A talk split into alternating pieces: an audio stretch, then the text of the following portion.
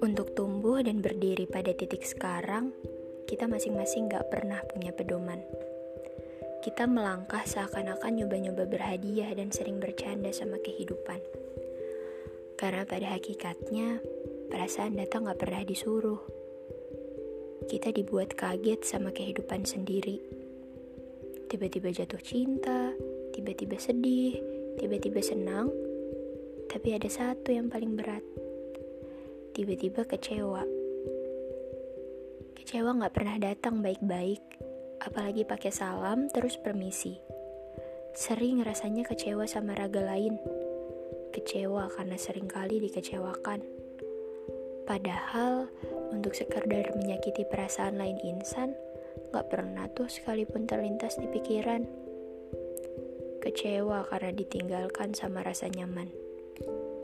Padahal nyaman itu sebenarnya jebakan. Coba satu hal baru, lalu ternyata suka, lalu kemudian nyaman dan terjebak. Bikin kita lupa bahwa pada dasarnya nggak akan pernah ada hal yang benar-benar nyata bisa selama-lamanya.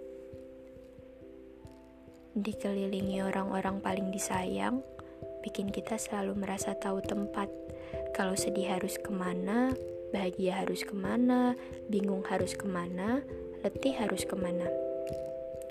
Selalu merasa cukup saat ingin menggantungkan sebuah perasaan.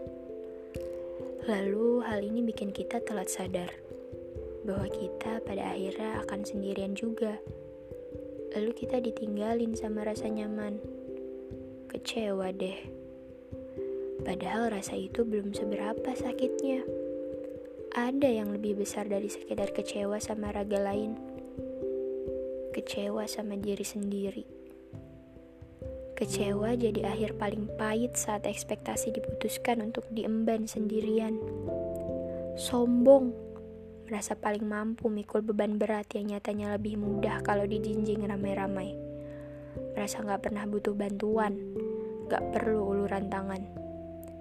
Rasanya kayak baru pertama kali belajar naik sepeda roda dua, mau jalan lancar tanpa tahu jatuh, tapi nggak mau dipegangin.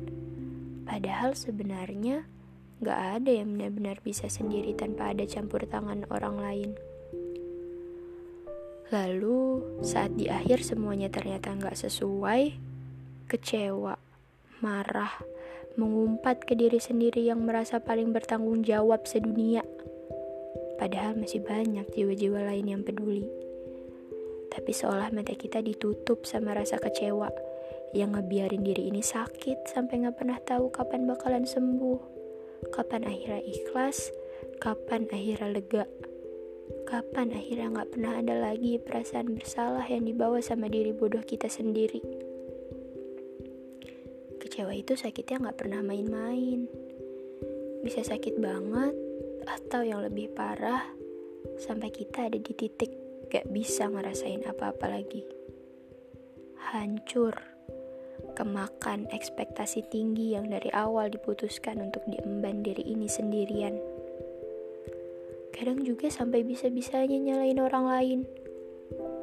Perasaan gak perlu pertolongan karena takut merasa dikecewakan dijadiin tameng perlindungan paling ampuh malu Mau sampai kapan diketawain sama rasa kecewa? Kalau kecewa bisa ngomong, dia bakal nanya. Kemarin siapa yang merasa paling mampu mikul beban sendirian?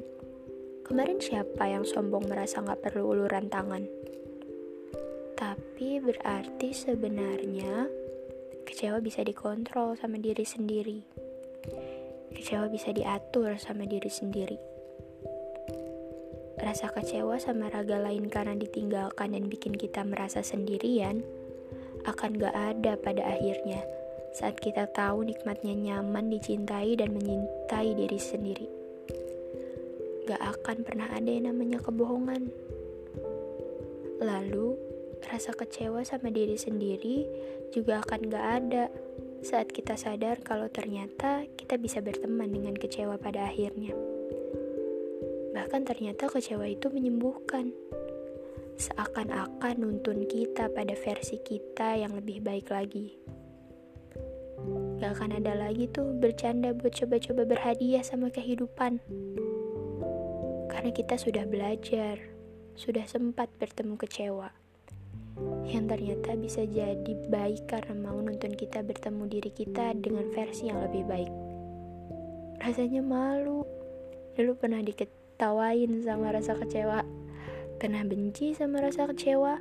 Pernah takut sampai gak mau bertemu lagi sama rasa kecewa tapi sekarang malah berterima kasih sambil tersenyum melambaikan tangan ke belakang sambil bilang, kalau nggak ada kamu, aku nggak pernah bisa jadi versi yang sekarang. Sampai bertemu lagi kapan-kapan ya, kecewa.